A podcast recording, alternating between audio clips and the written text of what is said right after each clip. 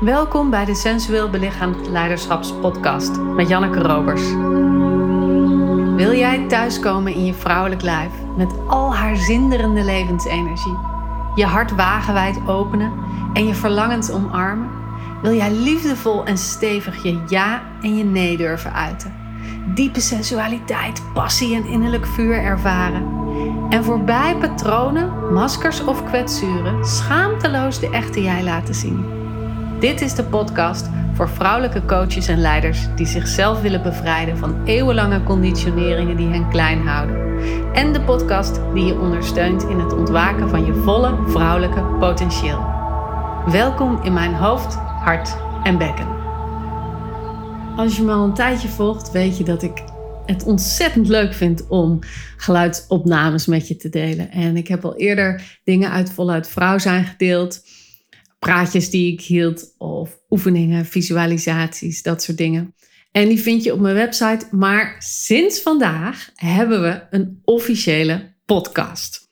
En twee keer per week ga ik bij je komen met verhalen over de dingen die mijn deelnemers meemaken, verhalen die je helpen om de kunst van je eigen vrouw zijn te ontdekken en dingen die je ondersteunen om sensueel belichaamd leiderschap te nemen over je leven, je lijf en je eigen werk.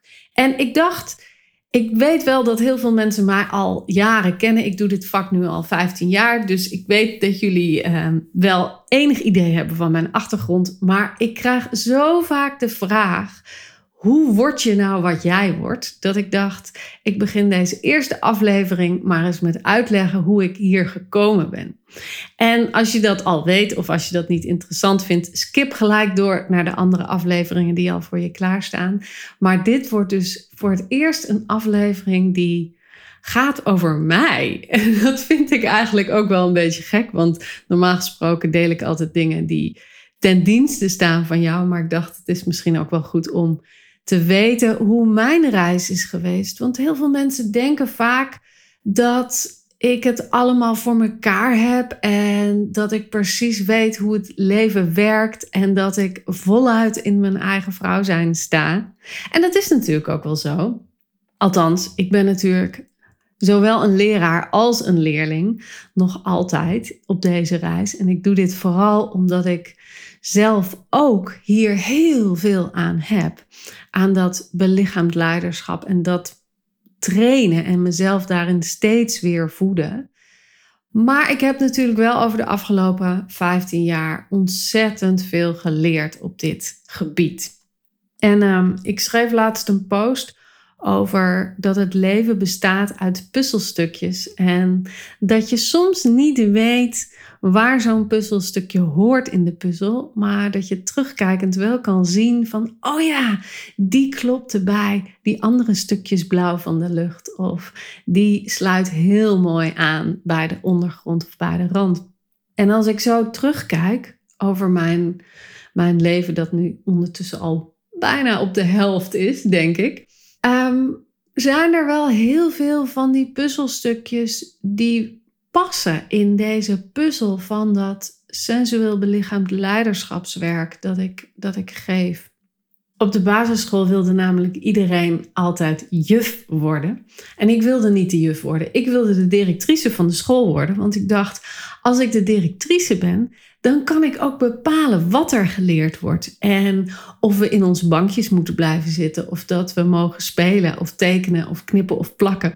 En dat was altijd wat ik ontzettend graag wilde doen. Ik wilde creëren. Ik wilde dingen maken. En dat is nog steeds wat ik doe.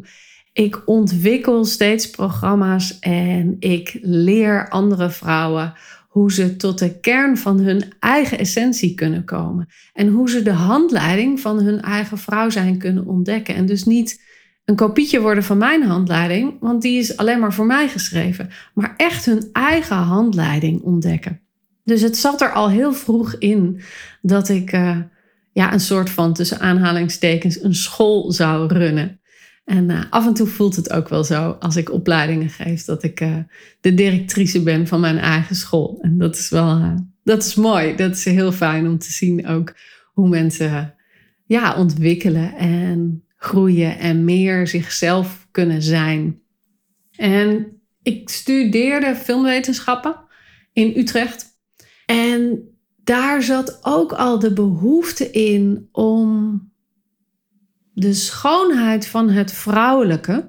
En met vrouwelijke, daar zal ik het later ook nog meer over hebben. Met vrouwelijke heb, heb ik het vooral over de vrouwelijke energie. En die zit in ons allemaal. Dus die zit in ieder mens. En dat gaat meer over de kwaliteit van het vrouwelijke dan over eigenschappen van de vrouw. Dat is echt heel iets anders. De kwaliteit van het vrouwelijke is het naar binnen gekeerde, het voelen, het contact maken met de duisternis, met de diepte in onszelf, de ehm, interne verhalen. En het mannelijke gaat over het naar buiten keren, het naar buiten brengen, het neerzetten, de actie, de daadkracht. En we hebben alle twee in ons. Hè? Dus als ik het heb over het vrouwelijke, dan heb ik meer het over de naar binnen gerichte beweging. Die even belangrijk is als de naar buiten gerichte beweging. Maar die volgt erna. Die volgt nadat je naar binnen bent gekeerd. En toen ik filmwetenschappen studeerde, toen kreeg ik echt een fascinatie voor de representatie van de vrouw in de media. En als ik het dus nu heb over de representatie van de vrouw, dan heb ik het dus over een vrouwelijk mens en niet over de vrouwelijke energie.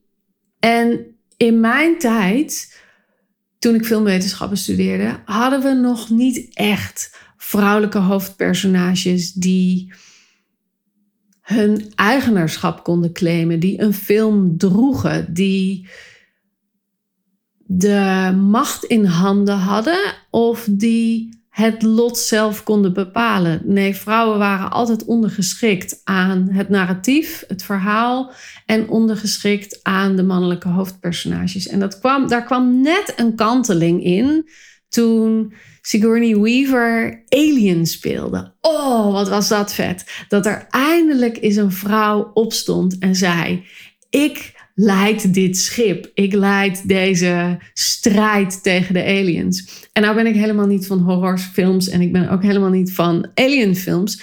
Maar het was wel een heel krachtig statement dat er eindelijk eens een vrouw neergezet werd op een andere manier dan de huisvrouw of de afvallige hoer of zoals Thelma en Louise de ontsnappende vrouwen uit de maatschappij die uiteindelijk toch de afgrond instortten en doodgingen aan het eind van, het, van de film, omdat dat niet houdbaar was, de situatie van een vrijgevochten vrouw. En dat intrigeerde me mateloos, dat er een andere vorm van vrouw zijn bestond naast dat wat wij allemaal zagen. En daar is, daar is eigenlijk mijn weg begonnen in het onderzoek van wat kunnen wij allemaal zijn als vrouw? Wat kunnen we allemaal representeren? Wat kunnen we allemaal claimen? En hoe kunnen we helemaal voluit zijn wie wij van binnen werkelijk zijn, los van alle conditioneringen, los van alle mediaverhalen die we over het vrouw zijn te horen krijgen en los van de ideeën over hoe we allemaal opgevoed zijn. Dus kunnen we daadwerkelijk naar binnen keren en voelen wat onze essentie is en daarmee naar buiten komen. En daar in filmwetenschap is eigenlijk dat zaadje daarvoor geplant. En toen legde ik daarna allerlei andere puzzelstukjes. Ik ging vooral in het theater werken. Ik was internationaal theaterproducent. En ik hielp in eerste instantie kunstenaar slash componist slash regisseur met de meest bizarre theaterproducties maken die ik me kon voorstellen. Nu was ik nog ook wel een beetje bleu in de theaterwereld, maar dit was wel een heel ander niveau van voorstellingen maken. Wij werkten met, nou, ik denk zo'n 200 artiesten. En dan waren dat dansers, acteurs, kappers, koks, kinderkoren, allerlei amateurgezelschappen. Ehm, en met daarnaast heel veel professionals. En dat samen op bizarre locaties. Bizarre is wel het goede woord, want wij speelden in oude fabriekshallen, leegstaande gebouwen, in een onderzeeër, op de grenslijn tussen Noord- en Zuid-Cyprus. Uh, we hebben echt de meest gekke plekken gevonden om kunst te kunnen maken. En mensen te verrassen met wat ze konden horen, zien en voelen en ruiken en proeven. Dus hoe we alle zintuigen van het publiek konden aanspreken, zodat het een ervaring was die echt in hun lijf ging zitten. En soms mochten ze ook meedoen met de voorstelling, kregen ze een stopwatch en dan moesten ze op een bepaald tijdstip een geluidje maken of ehm, een schreeuw laten horen of meedansen, dat soort dingen doen. En daar is het zaadje geplant van het zintuigelijke. En hoe voedend het kan zijn als we onze zintuigen openzetten en durven te genieten van dat wat onze zintuigen te vertellen hebben. En dus om ons eigen lijf te gebruiken als een soort, ja, hoe zal ik dat zeggen? Kunstwerk is niet het goede woord, maar een, een spons waarmee je op kan nemen wat er om je heen gebeurt en het intern kan transformeren tot iets wat je iets te brengen heeft en iets te voeden heeft voor jou. Ik weet niet of ik het dan helemaal goed zeg, maar in ieder geval waren die kunstinstallaties een uitnodiging om anders in de wereld te staan en om te ervaren hoe het was om jezelf helemaal open te stellen voor dat wat je overkwam, als het ware. En dit zintuigelijke aspect zit nog steeds in mijn werk. Dat is de, de bron van waaruit ik lesgeef. Ik geloof heilig dat sensualiteit, dat is het op en top genieten van dat wat je zintuigen je te vertellen hebben. Dat sensualiteit de bron van de vrouwelijke energie is. En als je je kunt verbinden met die vorm van sensualiteit en je lichaam kan openen voor die stroming die sensualiteit in jezelf opbrengt, opent, dat dan je hele lijf gaat stromen. Dat je creativiteit gaat stromen, dat je intuïtie gaat stromen, dat je wijsheid weer naar boven komt. Dat je kan genieten van dat wat je overkomt en wat je gebeurt in deze wereld, waar we toch niet altijd effect op hebben. Wel in een grote mate kunnen we natuurlijk dingen sturen, maar er gebeuren ook gewoon dingen in ons leven die niet prettig zijn, die misschien zelfs wel pijnlijk of rauw of um, confronterend zijn. En op het moment dat je dan in verbinding kan staan met je sensualiteit, kun je op een heel andere manier contact maken met die dingen die zo rauw en pijnlijk zijn. En kun je op een bepaalde laag het diepe genot van het leven ervaren. Ongeacht of het nu fijn of minder fijn is. En dat is wel iets wat ik geleerd heb uit die tijd van theater maken. En als ik dan zo zeg theater maken, dan kan ik me ook wel voorstellen dat je misschien denkt van ja, maar dat is een, een verhaal of het is iets wat ergens opgeplakt ligt of het is een bepaalde soort van fake. Acteren is natuurlijk een rol spelen. En dat is natuurlijk wel zo. En er zijn natuurlijk allerlei gradaties van. Hè? Ik bedoel, als je gewoon in een, in een theatervoorstelling zit en naar het podium kijkt, dan zie je natuurlijk mensen die een rol spelen.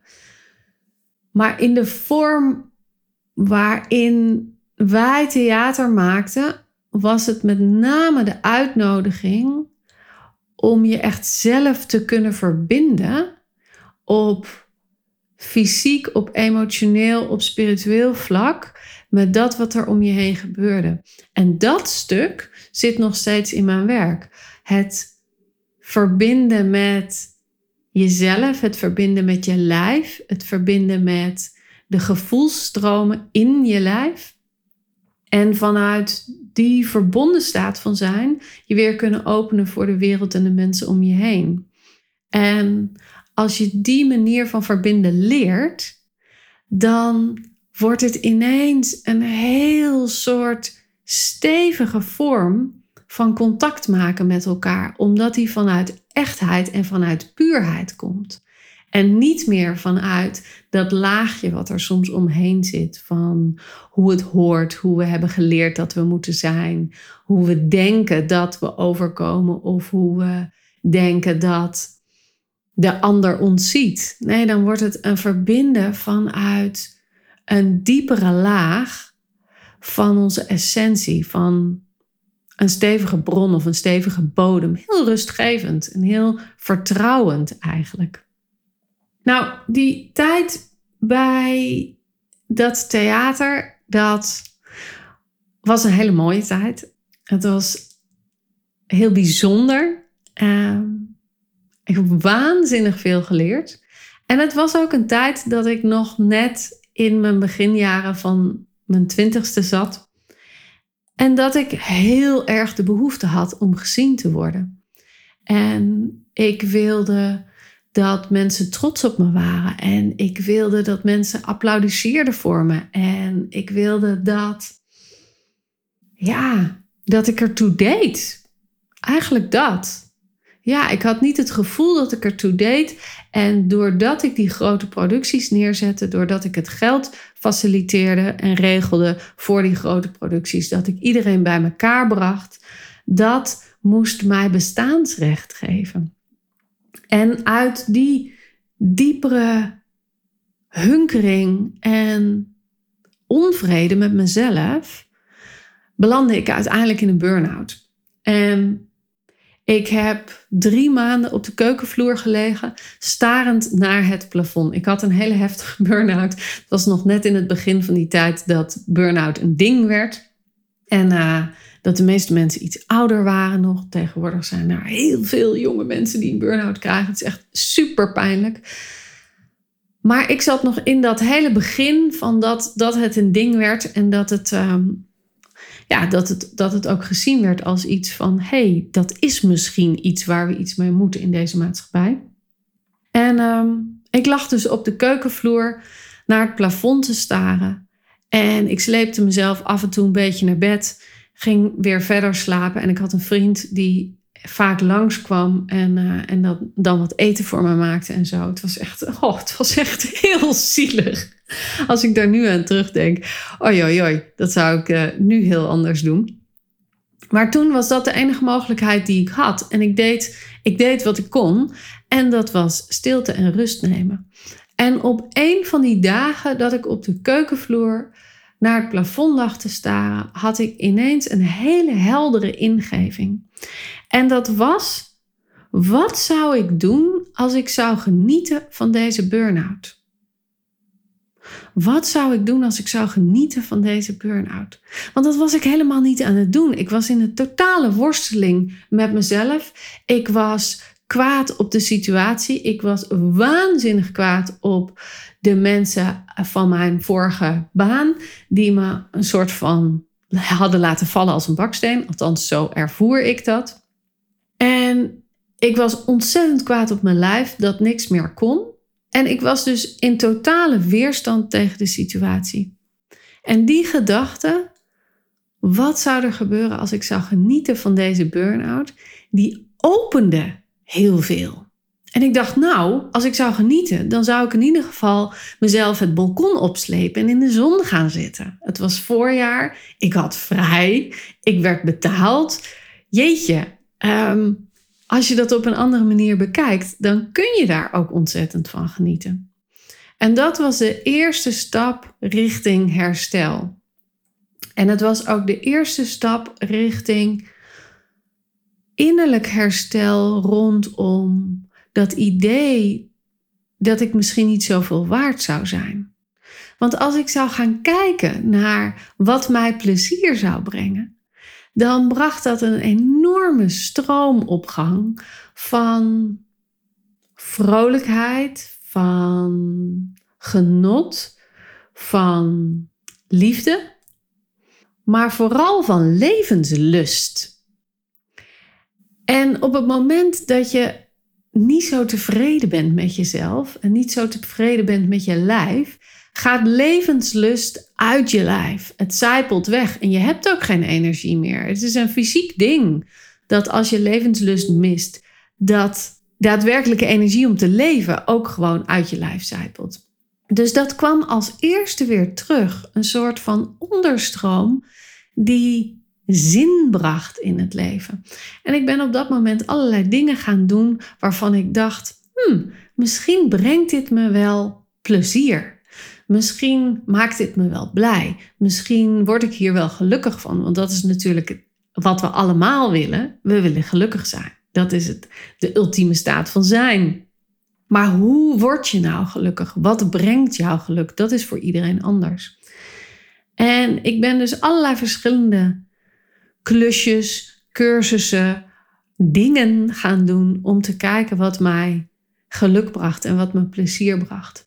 Ik ben gaan schrijven voor theater. Ik werd theaterrecensent. Ik ben Arabisch gaan leren omdat ik dat echt waanzinnig boeiend vond. Ik had het idee dat het een soort van ontdekken van een schatkaart was. Al die gekke vreemde kriebeltjes. Ik zou het nu ook niet meer kunnen spreken hoor. Het is, het is al behoorlijk lang geleden, bijna twintig jaar geleden.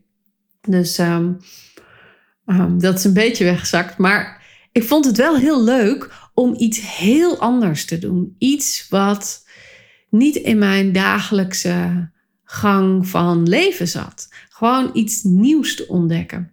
En ik ben ook allerlei trainingen gaan doen op gebied van vrouw zijn, op gebied van sensualiteit, uh, coaching, therapie. Gewoon om mezelf te ontdekken en eigenlijk mijn eigen handleiding uit te vinden.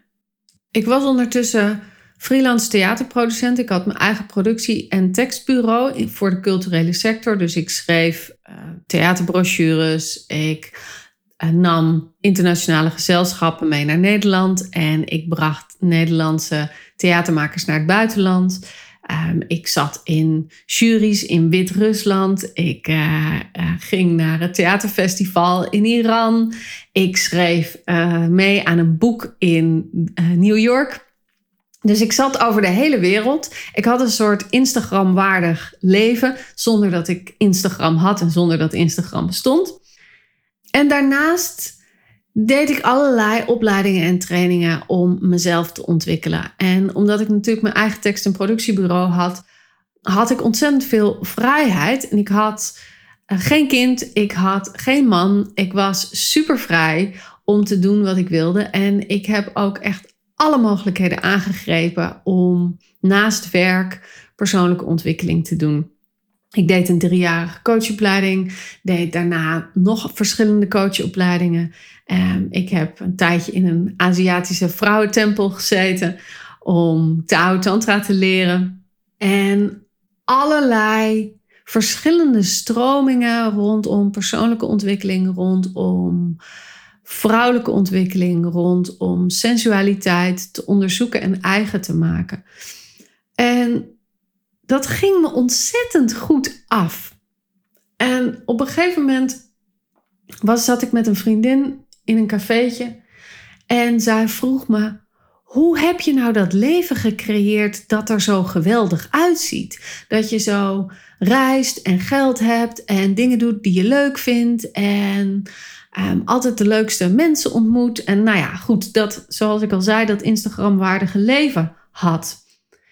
En dat was eigenlijk het moment waarop inklikte dat de trainingen die ik gedaan had voor mezelf, dus voor mijn eigen inzicht over hoe ik nou werkte, hoe ik nou in elkaar zat, dat ik dat kon gebruiken om een ander uit te leggen hoe zij het kon ontdekken, hoe zij haar eigen handleiding kon ontdekken en hoe zij het leven kon creëren waar ze zo naar hunkerde.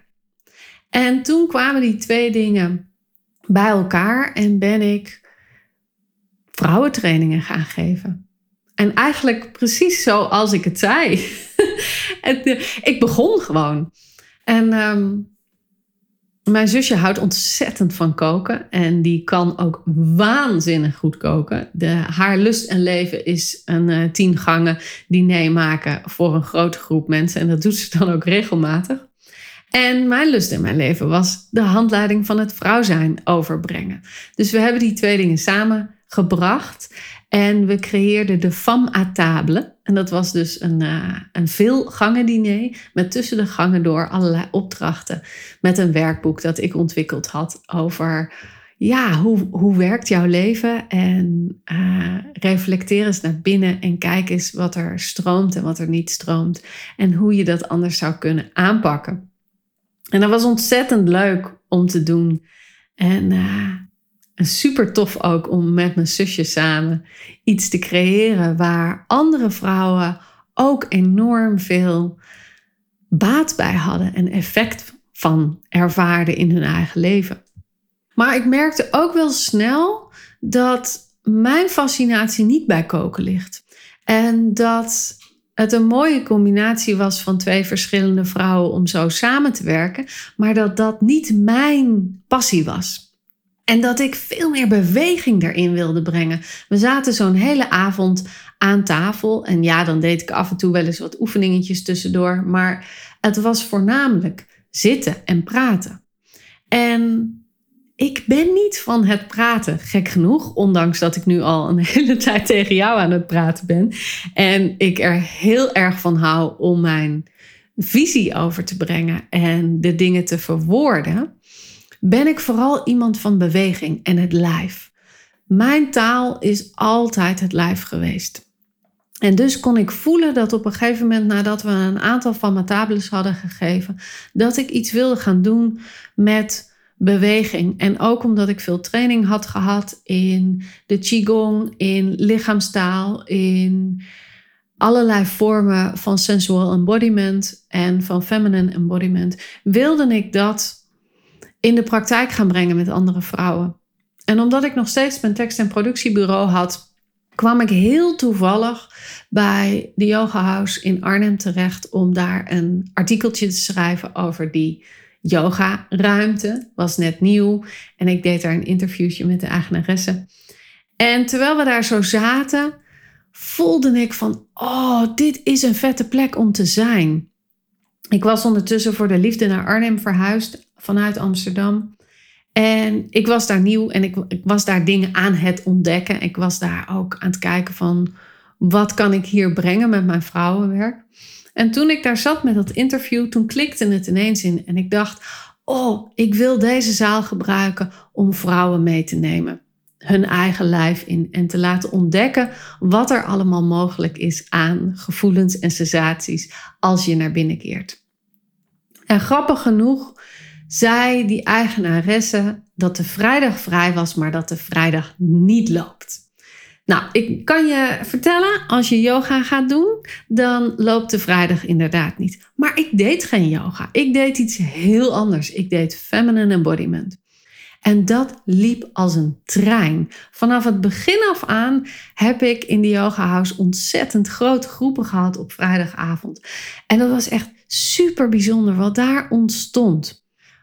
Als we in de verzachting kwamen, als we in de verstilling kwamen, als we naar binnen keerden in ons lijf en ophaalden wat daar aan gevoelens, behoeften en hunkering zat. En vanuit die plek gingen verbinden met elkaar. Dan stroomde de liefde over. Het was ongelooflijk hoe warm en hoe open mensen konden zijn, terwijl mensen helemaal niet van elkaar wisten wat ze deden, of ze kinderen hadden, of ze in een relatie zaten, hoe oud ze waren. Dat deed er allemaal niet toe. Die feitelijkheden waren niet interessant, maar de diepe verbinding vanuit het lijf, via de ogen, via het hart, via het bekken, was zo enorm warm dat vrouwen ook het lef kregen om dingen te veranderen in hun leven waar ze eerder nog niet aan toe waren gekomen. Juist doordat ze konden voelen: hé, hey, ik heb een hele bedding aan vrouwen waar ik in kan leunen, durf ik deze stap in mijn leven te zetten.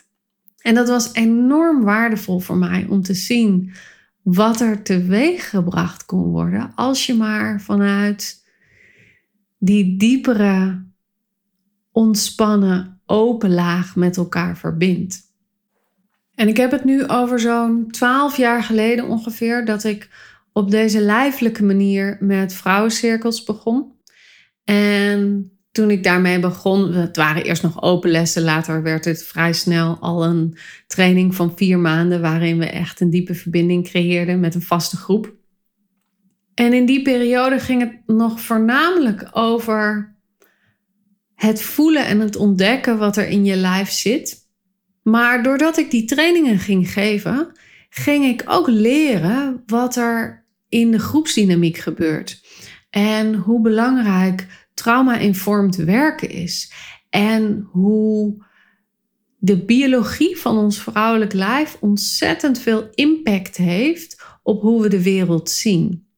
En dat het zo belangrijk is om vanuit ons bekken, vanuit de bron van ons bestaan, om van daaruit te kunnen leven, maar vooral vanuit daaruit contact te kunnen maken. Want als we dat niet doen, als we uit de hogere regionen leven, als we vanuit ons hoofd leven of vanuit onze gedachten leven of vanuit die buitenste laag van ons lijf, dan missen we het contact met die diepere wijsheid.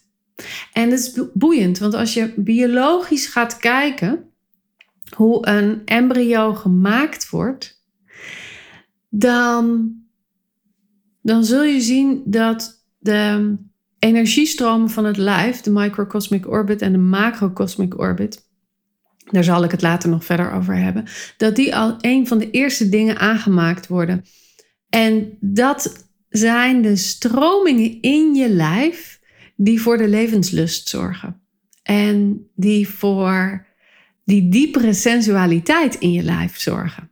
Dus ik leerde zo in die eerste periode van vrouwencirkels geven dat we eigenlijk nog dieper het lijf in hebben te gaan. En als ik het dan heb over het lijf ingaan of voelen wat er te voelen valt, dan denken de meeste mensen: oh ja, ik moet een beetje voelen. Ehm, misschien kan ik fysiek voelen of misschien kan ik emoties voelen. Maar als ik het heb over voelen, dan gaat het over een nog veel diepere laag van voelen. En dan bedoel ik die tinteling die je in je lijf kan voelen als je je opmerkzaam wordt van je lichaam. Het kloppen van je hart, het stromen van je bloed, het afvuren van alle hormonen die wakker worden, de stress die je af en toe kan voelen, de zindering als je iemand ontmoet.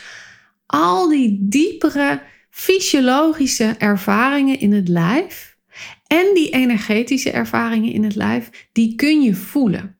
En dat klinkt misschien een beetje gek als je niet zo gewend bent om naar je lijf te luisteren.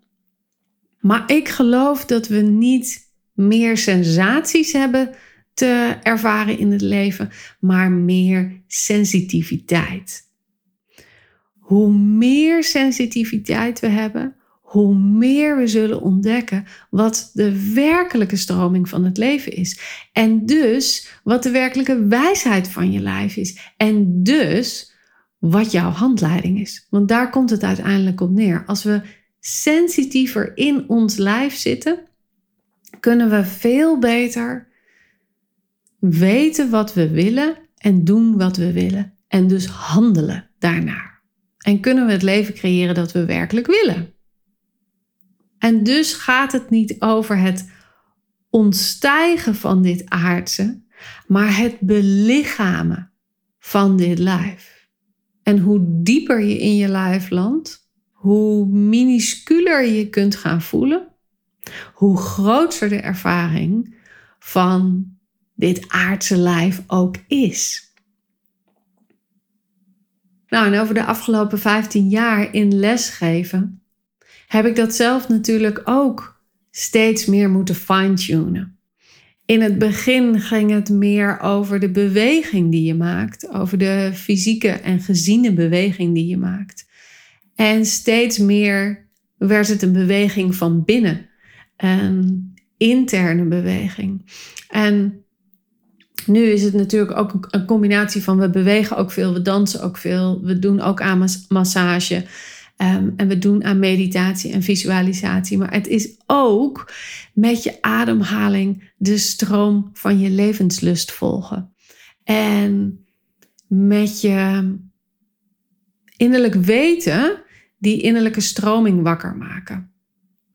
En ik begrijp heel erg goed dat als ik dit allemaal vertel, dat het allemaal een beetje woeha klinkt voor mensen die het niet hebben ervaren of niet hebben gevoeld. En dat is ook het lastige van mijn werk, om te verwoorden wat ik nou precies doe en wat ik jou nou precies breng als je het zelf nog nooit ervaren hebt. Dus ik zou vooral zeggen, kijk even op mijn website en ga allemaal wat van die video's doen die ik daar heb staan. En de oefeningen die ik daar heb staan. Want dan kun je het voor jezelf voelen wat er gebeurt als je op die manier in contact gaat met je lijf. En je zult merken dat je dan een veel grotere liefde gaat voelen voor je eigen lijf, voor wie jij bent en veel helderder kan verwoorden waar jouw ja en jouw nee liggen. Dus wat er gezond voor je is en wat ongezond voor je is. En waar jouw grenzen liggen. En wat je wil neerzetten in dit leven. En wie je wil zijn in dit leven. En wie je wil aantrekken in jouw eigen omgeving, in jouw space. En ehm, ja, ik werk veel met, met vrouwelijke coaches, vrouwelijke ondernemers, vrouwelijke begeleiders. Mensen die in contact staan met andere mensen. En hun kennis of, hun vaardigheden willen overbrengen. En vooral daar is het zo belangrijk dat wat je aan de buitenkant vertelt overeenkomt met wat er aan de binnenkant resoneert. Want dan zit er geen ruis meer in je communicatie. En kom je veel sneller tot de kern en zul je ook veel sneller iemand aan de andere kant raken met dat wat jij te brengen hebt, met jouw wijsheid. En als manifester zijnde, uh, manifester komt uit de human design. Google dat even als je niet weet wat het is. Een waanzinnige boeiende tool om te kunnen ontdekken hoe jij zelf in elkaar zit. Ik ben dus een 5-1 manifester. En dat betekent dat ik een initiator ben. Dat ik dingen in beweging zet bij mensen. Dat ik transformatie aanjaag bij je. En dat ik met hele simpele dingen grootse effecten teweeg kan brengen bij mijn deelnemers. En dat is ook wat ik zie in deze afgelopen 15 jaar dat ik nu vrouwen begeleid in groepen. En dat ik nu gegroeid ben naar voluit vrouw zijn. Dat is mijn enige jaarprogramma dat ik geef. En dat is de enige plek waarin ik persoonlijke begeleiding ook aan vrouwen geef. Dus als je gecoacht wil worden op jouw vrouw zijn en de handleiding van jouw vrouw zijn, dan is dat de enige plek waarin dat kan met mij. En ik heb dus gezien over die afgelopen jaren dat dat ook daadwerkelijk waar is. Dat vanuit voluit vrouw zijn mensen hun relatie weer opbloeide tot iets wat vol liefde en vol vuur zit. Maar ook dat mensen het lef hadden om een scheiding aan te vragen, omdat het echt niet meer ging. Dat mensen de baan hadden gecreëerd voor zichzelf, waar ze al jaren op zaten te wachten. Dat vrouwen eindelijk kunnen zeggen over hun eigen lijf: Wauw, wat heb ik een mooi lijf en wat hou ik van mezelf. Dat vrouwen in staat waren om na één dag les ineens hun innerlijke levenslust aan te zetten en 15 nieuwe klanten te kunnen regelen uit het universum. Zomaar ineens omdat ze konden voelen van ja, dit is waar het over gaat. Vrouwen leren veel beter hun eigen taken te managen, op hun eigen plek te gaan staan en te voelen: hey, dit is mijn verantwoordelijkheid en dit is niet mijn verantwoordelijkheid. Dus daar blijf ik ook van weg. Vrouwen willen, weten veel beter wat die plek van hen inhoudt. Voelen een veel dieper vertrouwen en een innerlijke rust om vanuit die plek te kunnen zeggen tegen hun klanten: hey, dit doe ik wel voor je, dit doe ik niet voor je. Of hier ben ik goed in en hiervoor zou ik je doorverwijzen naar iemand anders. Of veel beter kunnen verwoorden wat het nou eigenlijk is dat ze teweeg brengen bij hun klanten. Dus de communicatie wordt super helderder. Er komt een ik heb het woord al eindeloos gebruikt, maar een levenslustige stroom in hen op gang, waarmee ze veel meer genieten van wie ze zijn, wat ze doen en met wie ze zijn. En er komt een veel grotere vorm van liefde in hun leven. En met liefde in je leven bedoel ik dat je hart open gaat, dat je minder je hoeft te verdedigen, minder muurtjes hoeft op te eh, stapelen, eh, minder bescherming nodig hebt, omdat dat hart veel groter en gevuld is. En dus veel meer in staat is om liefde te kunnen laten stromen van jou naar de buitenwereld. Of dat nou mensen zijn, of dat nou een omgeving is, of dat nou gebeurtenissen zijn, dat maakt niet uit. Er is een veel grotere vorm van hartenergie in je lijf. En wat er ook gebeurt, is dat je lijf veel gevulder wordt als je vanuit binnen leeft. En wat bedoel ik met gevulder? Daar bedoel ik mee dat je veel beter kan voelen wat er aan de binnenkant van je lijf aanwezig is, maar ook dat je van binnenuit jezelf vergroot als het ware. Ik zit even te, te zoeken naar de juiste woorden. Misschien kan ik het beter in een voorbeeld vertellen. Ik heb vaak klanten die gevoelig zijn en vaak prikkelgevoelig zijn ook. En waarbij dat wat de buitenwereld doet of zegt of wat er in de buitenwereld gebeurt heel erg binnenkomt. Dus je kan heel erg last hebben van uh, de drukte van de winkelstraat. Je kunt heel erg last hebben van als er veel mensen in een ruimte zit, dat je heel erg bewust bent van wat iedereen zegt, wat iedereen doet, hoe iedereen gekleed is. Als je in een nieuwe ruimte komt, ben je heel erg bewust van waar de dingen staan. Je bent gefocust op de energie en de materie om je heen. En dus staan je voelsprieten heel erg uit. Met dit werk wat wij doen in voluit vrouw zijn, door naar binnen te keren, leer ik je die voelsprieten naar binnen te richten. En als je ze naar binnen richt, kun je je voorstellen dat in plaats van dat je zo gefocust bent op wat er aan de buitenkant gebeurt, je veel meer gefocust wordt op wat er aan de binnenkant gebeurt. En dus heb je daar een groter bewustzijn op. En hoe groter je bewustzijn, hoe gevulder je lijf, hoe steviger je bent en hoe minder het ertoe doet wat de buitenwereld doet of zegt of denkt. En dus hoe meer je kunt leven vanuit een diep vertrouwen dat jij oké bent. En dat is dus eigenlijk waar ik mee begon in deze podcast. Dat ik zo vertelde van dat ik niet geloofde dat ik oké was en dat ik probeerde via het neerzetten van grootse projecten, grootse theaterervaringen en mezelf zo naar buiten te brengen, dat ik daarmee oké werd. En dat ik over die afgelopen twintig jaar heb ontdekt dat het oké zijn bij mij van binnen zit. En dat is natuurlijk best een dooddoener. Dat snap ik ook wel. Dat lezen we ook allemaal in de bladen. Maar het lezen en het weten is iets heel anders dan erop kunnen vertrouwen en het kunnen voelen. En vanuit die diepere grond, vanuit je bekken, weer naar buiten komen met dat wat je te vertellen hebt. Ik had 15 jaar geleden nooit zo'n podcast kunnen maken zoals ik dat nu doe. Zonder na te denken over wat jij van mijn woorden vindt, wat je van mijn eus vindt, wat je van mijn klank vindt, wat je van dit hele gebeuren vindt. En misschien wel wat je van dit hele verhaal over mij vindt. Terwijl nu, nu kan ik voelen vanuit mijn bekken dat dit is wat er voor mij toe doet. En misschien helpt het je. En niet eens misschien helpt het je. Ik weet zeker dat er woorden en zinnen zijn in deze podcast die je raken. en die jou iets te brengen hebben. En die jou aanzetten tot op een andere manier kijken naar hoe jij met je eigen lijf, je eigen energie en je eigen vrouw zijn omgaat. Dus om antwoord te geven op die vraag: hoe word je nou dat wat jij wordt? Dat is eigenlijk gewoon de puzzelstukjes leggen.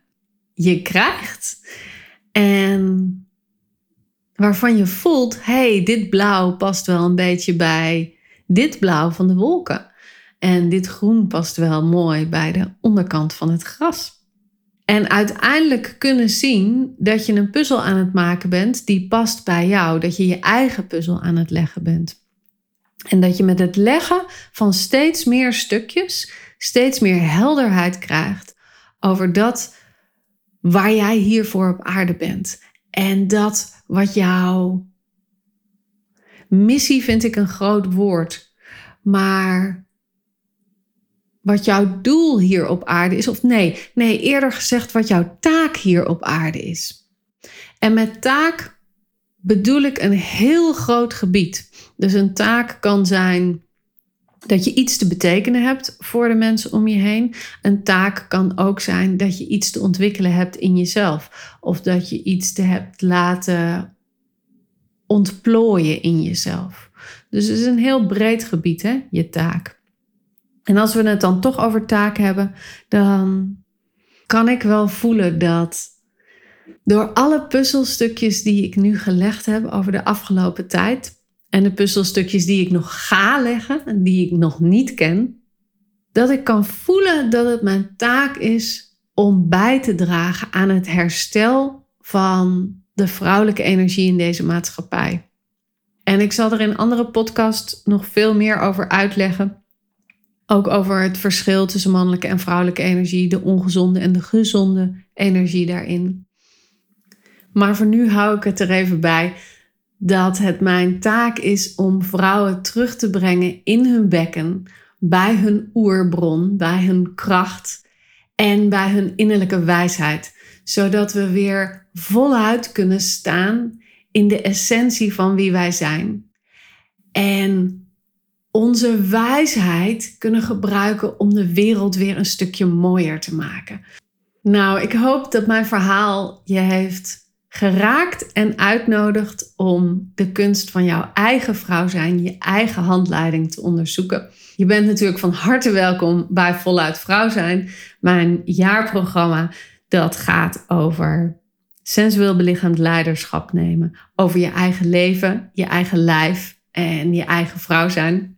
Met name voor mensen die met mensen werken, dus coaches, ondernemers en begeleiders.